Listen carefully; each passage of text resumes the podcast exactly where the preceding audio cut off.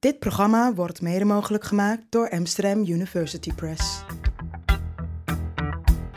Vanuit Amsterdam is dit Onder Media Doctoren, de podcast waarin communicatiewetenschappers zich verwonderen over de media.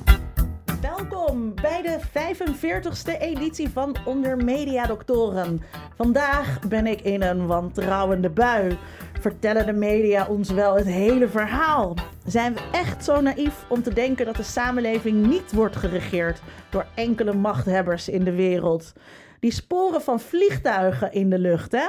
Duiden die er niet op dat we besproeid worden met chemicaliën? Was 9-11 niet een inside job? En een maanlanding, kom op mensen, die heeft toch nooit plaatsgevonden? Stanley Kubrick heeft dat gefilmd in een studio. U raadt het al, vandaag gaan we het hebben over complottheorieën en de media. Wat is de functie van complottheorieën en welke rol spelen de media daarin? Ik doe dat met mijn mede-mediadokter, Dr. Vincent Kronen. En met hoogleraar mediacultuur aan de Universiteit van Leu- Leuven, Stef Aupers. Welkom. Stef, in je biografie staat dat je onderzoek doet naar post-traditionele vormen van religie, spiritualiteit en complotculturen. Tja. Wat hebben die drie met elkaar te maken? Ehm, nou ja, ik, ik ben eigenlijk in eh, een groot deel van mijn werk altijd wel heel geïnteresseerd geweest in eh, de vraag: wat doen mensen op het moment dat eh, ja, de grote verhalen, de grote ideologische verhalen, maar ook de grote religieuze verhalen, als die wegvallen of aan plausibiliteit verliezen? Hoe geven mensen dan zin aan hun bestaan? Hoe construeren ze hun identiteit? En er wordt natuurlijk in theorie van alles over gezegd. Van we zijn van een standaard biografie zitten we nu meer in een soort van eh, multiple choice biografie. Maar mijn vraag is eigenlijk altijd, ook vooral omdat in de sociale wetenschappen er eigenlijk veel weinig empirisch onderzoek gedaan, naar gedaan wordt, was altijd van hoe doen mensen dat? En zo kom je terecht bij, is er religie buiten de kerken? Zo ja, wat voor vormen van religie en spiritualiteit zijn dat? Hoe gaan mensen daarmee om? Eh, Met andere woorden, hoe geven ze precies betekenis? En datzelfde geldt eigenlijk ook natuurlijk voor complotdenken voor een groot deel. Oké, daar gaan we het over hebben. Kan je vertellen waar een, gebeurtenis of een fenomeen nou aan moet voldoen? Wil het tellen als een complottheorie? Een complottheorie is feitelijk een, eh, eh, een, een claim over een kleine, maar eh, onzichtbare, maar zeer machtige elite. die overmatig veel invloed uitoefent op het individu of de samenleving in zijn geheel, zou ik maar zeggen. Dat is een, laten we zeggen, een werkdefinitie waarbinnen een enorme diversiteit aan complottheorieën past. Vincent? Nou ja, het valt me op dat in de soorten eh, groepen die altijd worden aangewezen, die die complotten leiden, dat er toch wel vaak dezelfde eh, groepen in naar voren komen. Ik denk dat veel van het antisemitisme terug te voeren is op een idee dat er een groot Joods complot de wereld Ja. regeert. Ja. Of dat dat Ja. vroeger wel vanuit Rome gebeurde als de katholieken dat deden. Ja. Zit daar een soort herkenbaar patroon in? Ehm, ja, er zit wel een, een herkenbaar patroon in. Dus in de zin van waar je op wijst is ook heel erg... Oh, eh, hè? Wat, wat gebeurt er? Wat?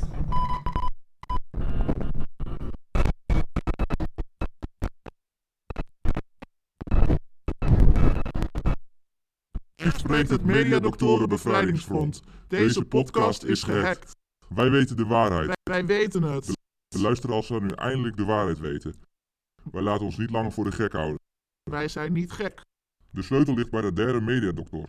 Er was een derde mediadokter, maar nu is hij weg. De derde mediadokter was de meest kritische.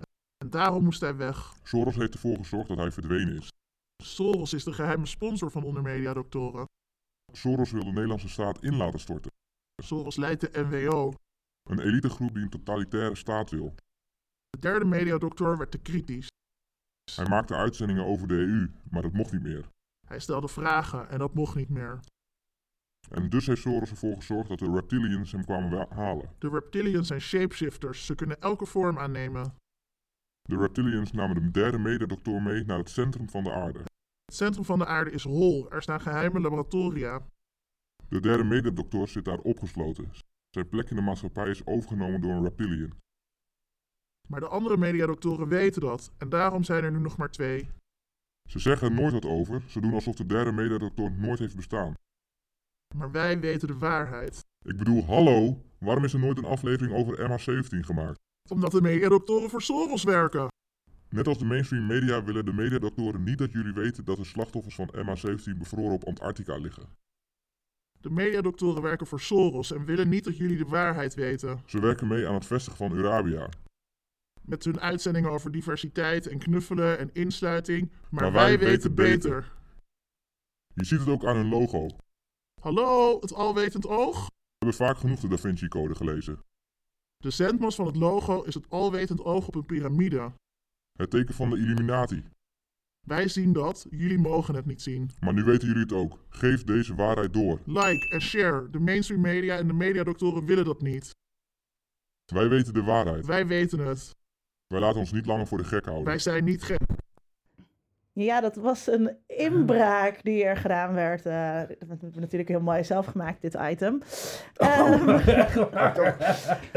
eh, een aantal eh, zaken kwamen daarin terug. Eh, Soros eh, eh, kwam voorbij, de Illuminati, Mhm. eh, eh, MH17.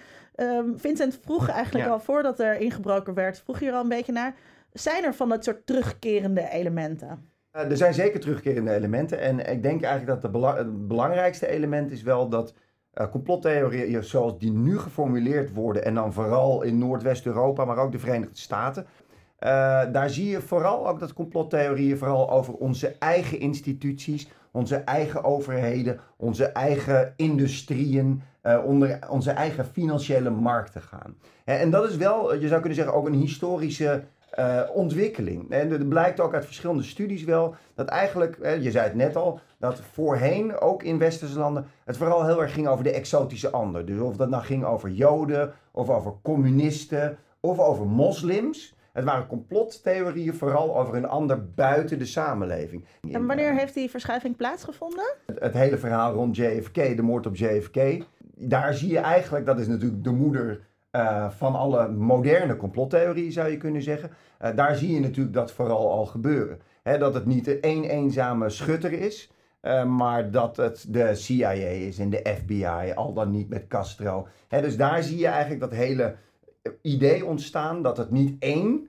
partij is, de CIA of de FBI, maar altijd in coalitie met anderen. Terwijl daarvoor, en misschien is een goed voorbeeld om dan, weet je wel, de jaren 50 te nemen, daar zie je veel meer dat het een exotische ander is. Het McCarthyisme eh, in de jaren 50 bijvoorbeeld, ja, is een voorbeeld van niet modern complotdenken, het zijn onze eigen overheden, maar veel meer, het is de ander. Het zijn mensen uit een andere ideologie, uit een andere staat, van een andere etnische achtergrond. Vincent, zie jij ook eh, terugkerende patronen? Nou ja, ik, jouw eh, leeropdracht als post-religieuze, wat ik heel erg opvallend vind, Mhm. is dat in complottheorieën trachten vaak te verklaren wat, we, Mhm. eh, eh, wat te groots en te chaotisch is om, Mhm. om daar maar te accepteren dat het gebeurt. Dat zie je bij Ja. JFK met 9-11, Ja. maar dat zie je Ja. ook met de schepping van de wereld. Eigenlijk zou je alle religieuze verhalen zijn eigenlijk de meest succesvolle complottheorieën. Ja. Nee, dat was een man die dat ooit bedacht heeft. Ja. En dan de, de onbewogen Ja. beweger. Dat verklaart dat allemaal.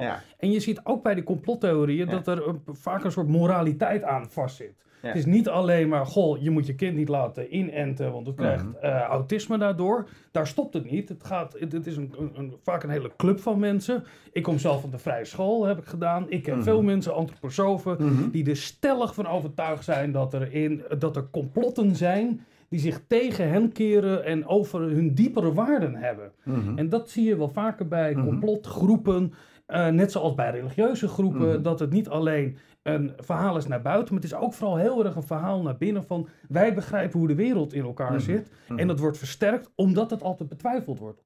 Hoe ontstaan deze verhalen nou? Dus hoe komt een nieuw complottheorie de, de wereld in?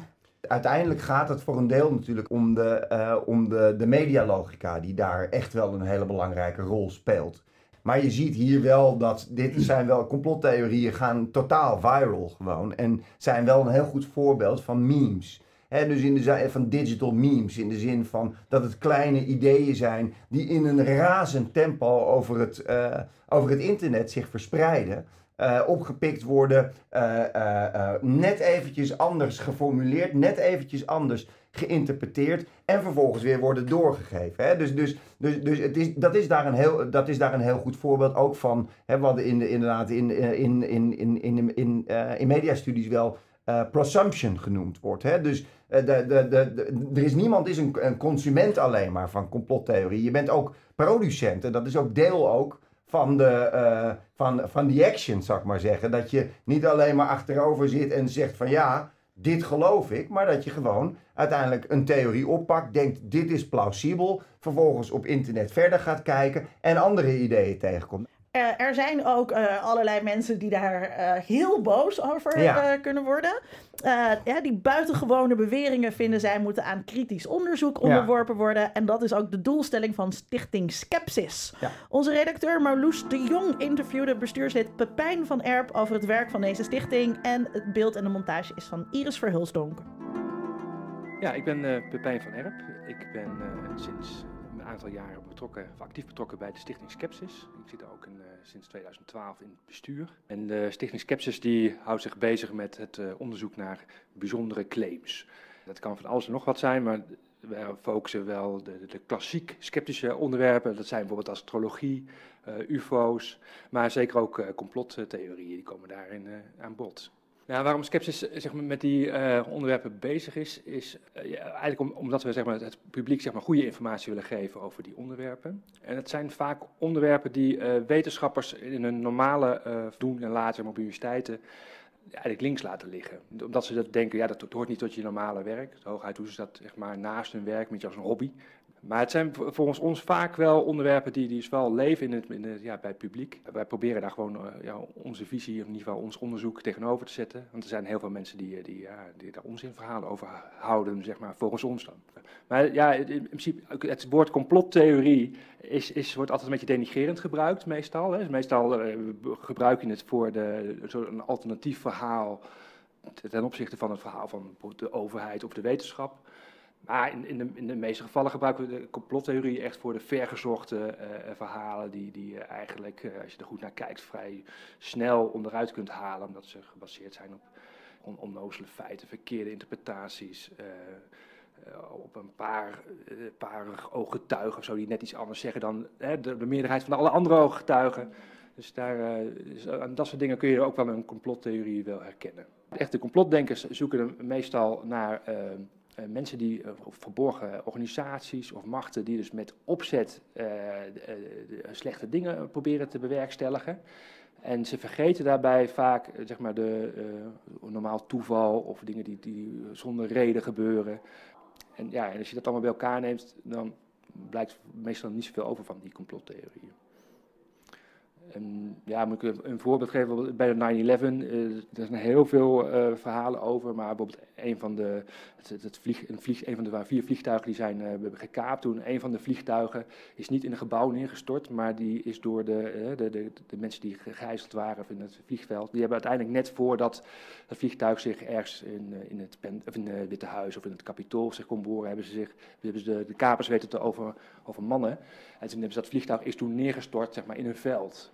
En dat is waarschijnlijk heel, heel bijna op de een versterkt schu- schuine hoek met een enorme snelheid in de grond eh, verdwenen. En ja, de complotdenker zegt, ja, als je daar kijkt naar die foto's, er zijn bijna geen brokstukken te vinden. Dat, dat kan toch helemaal niet? Terwijl als je dan kijkt naar soortgelijke ongelukken, dus waarbij geen sprake was van een kaping, en ook vliegtuigen van een hele steile hoek met hoge snelheid zijn inge, in de, op de bodem geslagen. En dan zie je dat ook, dat het vergelijkbaar is, dat je echt van een enorme krater krijgt, die weer half dicht valt. En dat er bijna geen brokstukken te vinden zijn. Dus dan je zoiets van, ja, zo bijzonder is dat niet. Iets wat op het eerste ogenblik heel eh, ja, overtuigend bewijs lijkt van dat het niet, het officiële verhaal niet kan kloppen. Blijkt als je dus zeg maar, andere gevallen bekijkt dan toch eh, ja, helemaal niet zo bijzonder. Ja, de, de chemtrails doen het nog steeds goed. Hè? Het idee dat, eh, ehm, dat eh, al die sporen van vliegtuigen, dus de condensstrepen, dat dat eigenlijk niet gewoon eh, eh, eh, ja, con- condens is, dus geen waterdamp wat eh, eh, zeg maar in de koude lucht zeg maar, door bellen, of, eh, kleine waterdruppeltjes vormt en daardoor zo'n streep eh, achterlaat. Maar dat dat chemicaliën zijn die dus door eh, overheden worden, over, over ons worden uitgestrooid met... eh, ja, middelen die dan zouden inwerken op onze geest om ons rustig te houden. Hè. Dat, dus het chemtrail toen nog steeds goed. Maar ook de klassieke, de, de meer klassieke de complottheorieën rondom UFO's. eh, Zeg maar, ja, mensen zeggen van uh, UFO's die, die zijn, er zijn zoveel bewijzen voor UFO's, mensen getuigen. Maar waarom eh, weet de, zegt de overheid dat dat er niet is? Dus dan, dan moeten ze dus iets verborgen houden. Dus dat is dan weer de, ja, is ook zo'n klassieke complottheorie. Dat de overheden meer weten van buitenaardse bezoekers of UFO's dan uh, ze willen vertellen beroemd geval is denk ik, uh, dat we eh, mediums bijvoorbeeld ook wel bekijken. Hè. Dus mensen die zeggen dat zij informatie doorkrijgen van, eh, eh, van een vroeger leven of zo. En dan gaan mensen later checken dat dat blijkt te kloppen. Maar dan ja, kunnen, hebben wij wel eens ontdekt dat ze dat gewoon van het internet afgeplukt hebben. Of van een website die intussen niet meer bestaat. Maar dus dat, dat soort ontdekkingen doe je, doe je soms wel eens, ja. Maar ja, wij, proberen altijd wel goed te kijken van, zit, zit daar misschien toch iets in? Hè? Is, bedoel, de, de, de gevestigde uh, wetenschap of de gevestigde orde kan, kan het natuurlijk wel eens mis hebben. Of ook reden hebben om, om een verhaal iets anders voor te stellen dan, dan de, werkelijkheid uh, is. Ja, het is hartstikke nuttig werk wat de Stichting Skepsis doet. Maar Stef, heeft het nou ook enig effect op complotdenkers? Of het uh, effect heeft, daar geloof ik helemaal niks van. En ik denk echt dat het uh, eigenlijk alleen maar het tegenovergestelde uh, bewerkstelligt. dat, uit, uit, uit heel veel onderzoek wat, wat ik ken, daaruit blijkt vooral als mensen wantrouwen en je voorziet ze van informatie, dan gaan ze eerder meer wantrouwen dan dat ze minder gaan wantrouwen. Mensen die al vertrouwen hebben, die gaan heel goed op informatie. Dus die gaan meestal ietsje meer vertrouwen. Uh, dus, dus, en zeker op het moment uh, vanuit de habitus van de complotdenker, en, dat, en die habitus is er eentje van wantrouwen. Want dat is het. Hè? Ik bedoel, het gaat niet om de complot, de, die ideeën, maar het gaat om de habitus van wantrouwen die daarachter ligt, die neem je niet weg met informatie. En zeker vanuit het idee van een complotdenker, ja, is het het tegenovergestelde. Want als je als wetenschapper informatie aangeeft en zegt van, kijk, zo is het echt, dan is het vanuit het perspectief van een complotdenker natuurlijk toch al heel snel uh, het idee dat dat onderdeel is van de propagandamachine, om het maar zo te zeggen. We leven nu natuurlijk in een tijd waarin we eigenlijk geobsedeerd zijn met uh, waarheid, met echtheid, mm-hmm. met authenticiteit. Stef, jij schreef er een boek over. Authenticiteit, de culturele obsessie met echt en onecht. Um, is het zo dat als alles onwaar kan zijn, kan ook alles waar zijn? Is dat een beetje wat erachter zit? Uh, nou ja, dat is wel een, een, een element. Ja, authenticiteit is misschien weer net een andere discussie. Maar als je die, die, die kwestie rond waarheid uh, dat is wel uh, wat je soms lijkt te zien. Hè? Dus in een soort, uh, ja, een soort epistemologische omslag. dat de vraag niet meer is van is dit nou wel waar, maar dat het eigenlijk vaak ook een reactie is. Waarom zou het eigenlijk niet waar zijn? Dat je, omdat toch je in een wereld leeft waarin gewoon zo ongelooflijk veel gebeurt. Ik bedoel, Watergate in 1972 uh, ja, presidenten niet altijd te vertrouwen. Uh, uh, ja, bedrijven als Google en Facebook die je data verzamelen, dat doorspelen naar de NSA. Dat zijn geen complottheorieën, het is allemaal echt gebeurd. Dus in, in dat klimaat, in dat kennisklimaat, ontstaat er denk ik ook wel inderdaad heel snel een houding van, ah, we kunnen wel zeggen dat het niet waar is, wie, wie, zegt mij dat dat zo is? En dat is ook weer toch, ik bedoel, het, kijk, het gaat me er niet om om complotdenkers te verdedigen. Maar ik, ik wil wel vooral academici en politici mm. uitnodigen om daar milder naar te kijken. Omdat je moet begrijpen dat we in een politiek en ook in een kennis- en cultureel klimaat leven. waarin de meest onvoorstelbare scenario's. Uh, die zijn eigenlijk al langsgekomen. En uh, vaak bleken ze nog waar te zijn ook is het niet ook zo dat werkelijkheid gewoon soms heel saai is? Mm-hmm. Nou, ik denk dat werkelijkheid vaak veel chaotischer is. En dat complottheorieën ons helpen om die hele chaotische werkelijkheid, waar dingen aan toevalligheden aan elkaar hangen, ja. om daar een orde in te scheppen. En dat is ook veel prettiger. Ook al hoor je er niet bij, het is veel prettiger ergens om te weten, ergens is er een schijnbare orde of een onzichtbare mm-hmm. orde waarom de dingen zo zijn.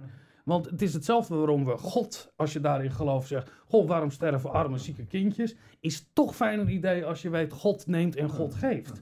En dat het toch fijn is dat Soros dat gewoon allemaal regelt. We gaan daarmee eigenlijk al naar het antwoord op de vraag. Dat heb je al een beetje gegeven. Hè? Oh, die complottheorieën die uh, uh, geven woord eigenlijk, verbeelden de vervreemding ja. die wij meemaken. Vincent, wil jij nog kort daar iets ja, over nou, zeggen? Ik, ik, de, Um, een complottheorie, stel je voor dat dat een soort netwerk is waar op een mm. onzichtbare manier dingen gebeuren die we niet echt begrijpen. Mm. Als je dan naar de huidige tijd kijkt, dan zie ik een enorme toekomst voor de complottheorieën. Want we zitten mm. in netwerken waarin ja. dingen gebeuren die we niet begrijpen, die onze ja. werkelijkheid mede vormgeven. Ja. Door wat er gebeurt in de financiële sector, over, over Ja. nieuws, over wat dan ook. Dus ik denk dat dat, dat denken daarover, eh, dat nog veel groter zich zal manifesteren. Ja. En dat we eigenlijk nog maar aan het begin staan van een totale ondermijning van welke autoriteit dan ook. En welke rol spelen de media daar dan in?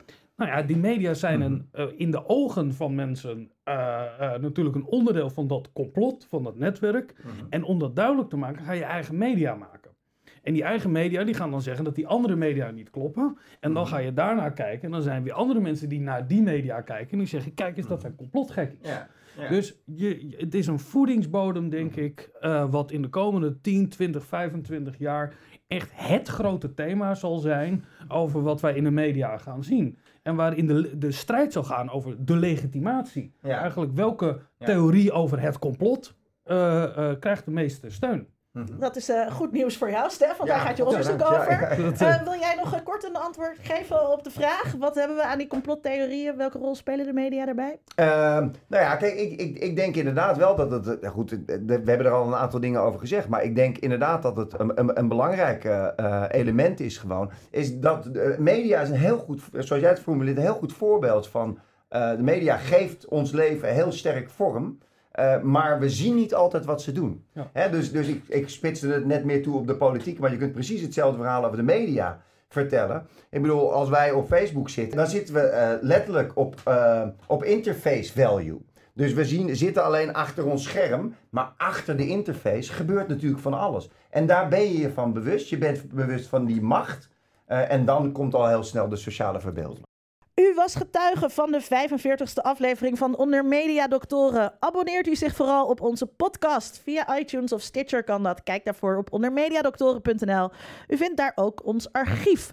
Ik bedank zoals elke keer Volkert Koehoorn, Iris Verhulsdonk, Marloes de Jong en Sebastiaan van der Pol. Dank ook aan Salto voor de opnamefaciliteiten. Tot slot dank aan dokter Vincent Kronen, maar vooral aan onze gast, dokter Stef Aupers. Over twee weken zijn we er weer. We hebben het dan over taal op het internet met hoogleraar Mark Oosterdorp. Tot dan! Onder Mediadoktoren is een podcast van Vincent Kronen en Linda Duits. Meer informatie vindt u op ondermediadoktoren.nl.